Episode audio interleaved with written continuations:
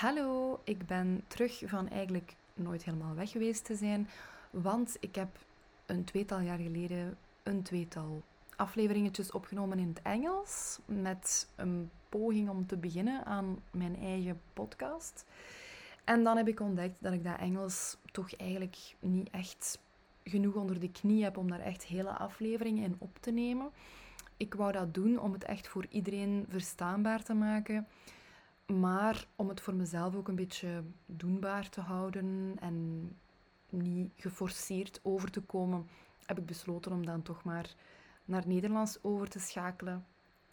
En om het een beetje persoonlijker te houden. Dus om geen urenlange voorbereiding te steken in, in een aflevering, maar gewoon een beetje een onderwerp aan te snijden wat mij die dag of die week bezighoudt. Dus eigenlijk veel meer low profile, minder naar perfectionisme streven, wat voor mij heel moeilijk is.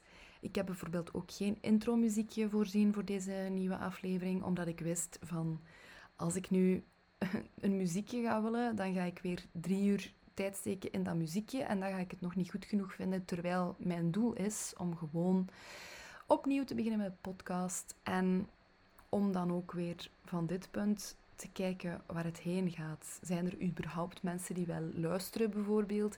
Als dat niet het geval zou zijn, dan zou het ook redelijk belachelijk zijn om heel veel tijd te steken in een muziekje. Ik weet ook dat het een hele tijd duurt voor een podcast eigenlijk echt opgepikt wordt. Het zou kunnen dat ik vijf afleveringen opneem waar niemand naar luistert. Ik hoop natuurlijk niet dat dat het geval is, maar ehm, ik weet dat ik dan gewoon moet beginnen en een reeksje uh, afleveringetjes opbouwen om ehm, te zorgen dat er visibiliteit is. Dus dat is eigenlijk een beetje een kip of het ei verhaal. Hè. Mensen denken vaak om een, om een succesvolle podcast te kunnen hebben, dat er al een publiek moet zijn. Maar ja, als je niet begint, kunnen mensen je podcast natuurlijk ook niet vinden. Dus ik geloof dat het belangrijk is om gewoon te beginnen. En voilà, dat was misschien al een beetje een inspirational talk voor mensen die graag een podcast zouden willen beginnen. Maar deze aflevering gaat specifiek over tekenen. Sluit natuurlijk heel erg aan bij mijn activiteiten of bij mijn beroep. Ik ben freelance designer en illustrator. Dus ik teken op dagelijkse basis. Ik doe dat heel graag. Ik doe dat eigenlijk zonder nadenken. Als ik te veel ga nadenken of mij te veel bewust ben van het feit dat ik aan het tekenen ben, dan zou ik waarschijnlijk veel minder snel beginnen of minder vaak tekenen.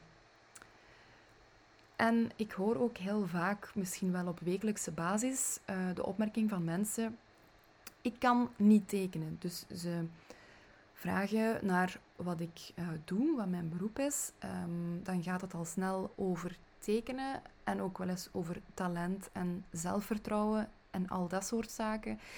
En dan merk ik dat het gesprek vaak gaat naar het feit dat ze van zichzelf vinden dat ze niet kunnen tekenen of, of niet creatief kunnen zijn. En ik vind dat eigenlijk een heel interessante uitspraak, omdat ik eigenlijk nooit akkoord ben als ik iemand hoor zeggen: Ik kan niet tekenen. Um, ik vind dat er van alles mis is met die zin, maar um, het zou een beetje kneuterig kunnen overkomen dat ik nu die zin ga ontleden. Maar als ik er één of twee mensen mee kan inspireren en toch er kan toe aanzetten om eens te beginnen tekenen. Mensen die al een hele tijd graag wat vaker zouden willen tekenen, maar daar nooit eigenlijk echt toe komen. Ah, wel, dat zou ik al fantastisch vinden. Dus ik ga het toch doen. Ik ga toch uh, mijn visie geven op ehm, wat het voor mij betekent om te horen dat iemand zegt: Ik kan niet tekenen. Uh, allereerst is het misschien belangrijk om te weten dat ik dat van mezelf ook nog vaak denk. Maar ik heb wel de tools of de, ja, de juiste handvaten om daar tegenin te gaan. Ik denk dat het heel menselijk is dat iedereen af en toe wel alles wat minder zelfvertrouwen heeft. Dus volledig wegkrijgen geloof ik niet dat je dat kan doen. Maar ik geloof wel dat je het um, een beetje kan tackelen, zeg maar. En dat ga ik nu ook proberen om die tools aan te reiken. Dus ten eerste, ik kan niet tekenen. Het, wat, stoort er mij aan die zin? Dat is het werkwoord uh, kunnen. Ik kan niet tekenen. we weten allemaal, als je zegt, ik kan dat niet, dan is de kans ook groot dat je het effectief niet gaat kunnen. Omdat hersenen een bewijs zoeken van je eigen geloof. Is uw geloof dat de aarde plat is, wat ik heel jammer zou vinden, dan gaan uw hersenen artikelen en, en materiaal en argumenten zoeken die gaan proberen bewijzen waarom de aarde plat is. Is uw geloof dat de aarde rond is, zou ik al iets aannemelijker vinden, dan gaat uw hersenen hetzelfde doen, maar met het bewijs dat hij rond is. Of dat zij rond is. Ehm, snap je? Dus dat, dat werkt hetzelfde met uw zelfvertrouwen. Dat is natuurlijk heel makkelijk gezegd. Hè? Ehm, het, het, is niet opgelost met dat je vanaf nu zou moeten gaan zeggen: ik kan wel tekenen. Ehm, er gaat effectief ook wel wat werk aan te pas, uh, bij te pas komen. Maar ik geloof wel dat je daar allemaal een beetje bij begint, bij uw beliefs, om het zo te zeggen. Dus ga je eens een keer afvragen, um, wilt je dat wel? Hè? Iets kunnen of iets willen, dat zijn twee dingen, twee verschillende dingen. Het zou kunnen dat je het wilt, maar dat je het nog niet kan. En dat is eigenlijk wat je moet onderzoeken. Iemand die effectief geen enkele interesse heeft in tekenen of in kunst, ja, de kans is klein dat hij dat gaat willen kunnen. Ehm, op school, ik ben vrij, allez, met veel plezier beginnen fietsen of schrijven, of dat toch leren. Dat waren dingen die ik wel relatief leuk vond, dus. Maar wiskunde, dat vond ik bijvoorbeeld vreselijk. Ik heb nooit de ambitie gehad om goed te worden in wiskunde. Dus ik deed dat omdat dat moest op school, maar nu gaat het mij zelden zomaar voor mijn plezier wiskundige vergelijkingen zien oplossen. En dat is oké. Ik moet ook niet goed zijn in wiskunde. Gelukkig niet. Ik heb een smartphone die een rekenmachine uh, heeft. Ehm, maar ik hoop dat je een beetje snapt waar ik naartoe wil. Het is perfectly fine als je niet kan tekenen. En je hoeft daar ook niet triest om te zijn als je het niet wil kunnen. Dat is het eerste waar je eigenlijk gaat moeten afvragen. Ehm, het tweede dat misschien belangrijk is, ehm, als je zegt dat je niet kan tekenen, dan heb je waarschijnlijk een bepaalde voorstelling in je hoofd van wat het betekent om wel te kunnen tekenen. En dat is eigenlijk iets wat je moet loslaten. Want geen enkele kunstenaar heeft ooit het gevoel klaar te zijn, om het zo te zeggen. Het duurt eigenlijk heel je leven en langer om werk te kunnen maken waar dat je jezelf goed bij voelt of 100% tevreden mee bent. Een leven evolueert voortdurend hè, en ik denk dat dat in die zin ook toepasselijk is voor het leven zelf. Ik, ehm, ik hoop dat je gelukkig bent op het punt in je leven waar je nu staat, maar ik ben er ook zeker van dat je toch nog altijd dingen ziet of aanvoelt van dat kan misschien nog wel beter. Hè? Of, of misschien zou ik die cursus wel eens kunnen volgen. Of misschien zou ik ehm, toch dat recept nog wat beter willen kunnen leren maken. Uh, of misschien moet ik die persoon toch nog eens bellen. Er zijn altijd zaken, denk ik, ongeacht of je gelukkig bent, omdat het leven nu eenmaal verder gaat, wat je toch ja, werk in wil steken, om het zo te zeggen. En vanaf dat je dat doorhebt, vanaf dat je dat beseft, dan denk ik dat je eigenlijk veel vlotter een schetsboekje gaat kunnen bijhouden om constant in, in te tekenen of, of ideetjes in op te schrijven en, en dat zelfvertrouwen een beetje op te bouwen of tegelijk eigenlijk zelfs los te laten. Ik heb er een interessante quote bij gehaald, om, omdat ik die ook wel inspirerend vind in dat verband. Success is not final, Failure is not fatal. It is the courage to continue that counts. Dat is een quote van Winston Churchill, blijkbaar. Ik wil ook het voorbeeld aanhalen van de gloeilamp van um, Edison, uiteraard, die de gloeilamp heeft uitgevonden. Die zei: I have not failed, I've just found 10.000 ways that won't work. dus voordat Edison de gloeilamp heeft uitgevonden, heeft hij 10.000 keer, ik, het zal misschien niet 10.000 keer, ik heb gelezen dat het 2774 keer was, dat hij eigenlijk ja, een manier gevonden heeft dat het niet werkte. En ik vind dat een fantastische quote. Want als hij die 2774 keer niet gedaan had, dan zou je ook niet die lamp hebben uitgevonden. Gaat natuurlijk over iets wetenschappelijker, iets meer hè, uitvindingen, maar ik vind wel dat je daar de lijn mee kan doortrekken naar tekenen. Het is wat je zelf voor ogen hebt. Wil je beter worden in anatomie? Wil je een bepaalde stijl ontwikkelen? Misschien moet je eerst een doel stellen voor jezelf. En dan ga je er ook pas beter in kunnen worden natuurlijk. Hè. Edison was met een heel duidelijk doel aan het experimenteren. Hij wou een bepaald iets uitvinden. En misschien heeft hij ondertussen wel andere interessante dingen uitgevonden, maar dat was niet waar hij naar op zoek was. Wil dat zeggen dat al die andere dingen waardeloos zijn? Dat weet ik niet. Het was gewoon niet ehm, waar hij naar op zoek was. Ik, um, ik ben bijvoorbeeld zelf ook ooit uh, naar het Picasso Museum gegaan in Barcelona. En um, ja, we kennen Picasso, hè, een super uh, beroemde schilder in de abstracte schilderkunst. En persoonlijk spreekt die stijl mij niet zo heel erg aan. Maar waarom ga je dan naar het Picasso Museum, zou je kunnen zeggen? Um, daar ga je direct achter komen.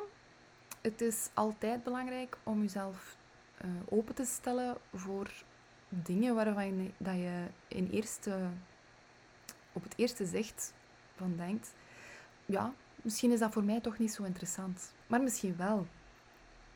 En dan weet je natuurlijk pas als je er doorgegaan bent. Dat kan tegenvallen. Hè. Naar een museum gaan dat u op zich niet echt aanspreekt, dat kan tegenvallen. Maar in dit geval was dat zeker niet zo. Waarom? Ik heb zelf een um, grote interesse in hyperrealistische schilderijen. Um, hoe realistischer, hoe meer dat ik onder de indruk ben, vaak. Toch heb ik wel zo graag een beetje een touch van impressionisme, hè, een beetje eigen interpretatie van de schilder. Maar ik had zeker niet verwacht om dat in het Picasso Museum te vinden. En toch heb ik dat daar gevonden, want blijkbaar uh, heeft Picasso, zelfs al op zijn veertiende, heeft hij super hyperrealistische zelfportretten en andere werken gemaakt. En ik wil daarmee niet zeggen dat zijn abstracte kunst niet zoveel waard is. Het spreekt mij gewoon minder aan. Voor heel veel mensen is dat, is dat prachtig en ik ga zeker ook niet ehm, zijn werk naar beneden praten of zo. Of daar onrespectvol over praten, dat zou ik nooit doen. Um, ieder zijn ding. En het is gewoon niet mijn ding. Maar toch ben ik blij dat ik naar dat museum gegaan ben. Omdat ik daar dus ontdekt heb dat Picasso wel degelijk de regels van anatomie enzovoort uh, beheerst. Hij kan supergoed een lichaam weergeven in de juiste verhoudingen. En daar heb ik dus ook beseft. Ik bepaal zelf wat een graadmeter is voor succes. Mijn ambitie is niet om sterke abstracte kunst te maken, maar wel om goed hyperrealistisch te kunnen werken. En bij Picasso lag dat blijkbaar anders. Hè. Zijn ambitie was om eerst de regels te kennen van anatomie en van hoe de wereld eigenlijk eruit ziet, om dan die regels te kunnen breken, om zijn eigen stijl te ontwikkelen. Dus dat wou ik toch ook wel vertellen, om u een beetje te doen beseffen dat ehm, heel veel mensen gaan misschien zeggen, om goed te kunnen tekenen, wat is dat? Hè? Dat is anatomie, dat is waarneming, dat is iets weergeven zoals het is. Iets kunnen vatten en zien wat je echt ziet en niet wat je denkt dat je ziet. Dat is een van de belangrijkste regels. En ik ben misschien wat van de hak op de tak aan het gaan. Dat is ook omdat ik er ontzettend veel over te vertellen heb. Dus vergeef mij dat ik soms niet uh, heel samenhangend ben. Maar ja, er valt zoveel inspirerend over te zeggen. Hè? Over, over tekenen. Het belangrijkste is dat je dat je er gewoon aan begint. Net zoals dat ik nu aan deze podcast begonnen ben. er zijn waarschijnlijk nog heel veel dingen dat ik fout doe om een interessante podcast te maken. Ik, ehm, ik praat misschien te veel, ik, ik praat misschien te weinig op bepaalde momenten, of, of, of je hoort mijn accent. Ehm, en het punt is dat dat er toch eigenlijk allemaal niet zo heel erg toe doet, omdat ik gewoon beter moet worden daarin. En ik ga nooit beter worden als ik niet begin. En dat is die, dat is die grote muur waar dat je moet overgeraken. Dat zijn keihard belemmerende gedachten. Hè, van, maar ik moet eerst dat intromuziekje hebben. Of, of ik moet eerst een cursus uh, radio maken gaan volgen. Um, je zou dat kunnen doen. Je zou kunnen zorgen dat dat eerst allemaal in orde is. Of, of dat je eerst uh, vijf boeken gaat kopen over tekenen. Ik heb trouwens wel een aantal interessante boeken daarover. Dus ik um, ga die proberen meegeven in de show notes. Boeken om te leren tekenen. Maar uiteindelijk, als je die boeken dan hebt liggen, ja, dat is kei tof. Maar je gaat, zelfs als je die allemaal uitgelezen hebt, uiteindelijk gaat het toch nog altijd gewoon moeten beginnen. En dat gaat keihard sukken in het begin. Je gaat denken van, oh, maar echt, dat, dat is zo slecht. En de truc is om gewoon dat denken uit te zetten. Net zoals dat je toen je kind waart hebt leren fietsen of leren schrijven. Ik weet niet hoe dat, dat bij u is, maar ik kan mij niet herinneren dat ik daar toen superveel bij zitten nadenken heb die juf, die begeleidde mij wel hè, van dit is goed of dit is slecht. Het geluk is in kunst dat er eigenlijk niks goed is en ook niks slecht. Je kunt bepaalde regels gebruiken, want de staaf, like dat ik daarnet zei, hè, voor mij is uh, hyperrealistisch en, en, anatomie heel belangrijk. Ehm, maar op zich zet ik een lijn op papier. Um, voor de ene gaat dat kunst zijn en voor de andere niet. Dus probeer niet te veel te vergelijken met anderen. Kijk naar uzelf in het verleden. Probeert een doel te zetten dat voor u haalbaar is. Bijvoorbeeld elke dag één tekeningsje, elke week één tekeningsje. Wees daar niet te ambitieus in, want dan houdt je het gewoon niet vol. Beginnen is belangrijker dan perfect zijn. Bye!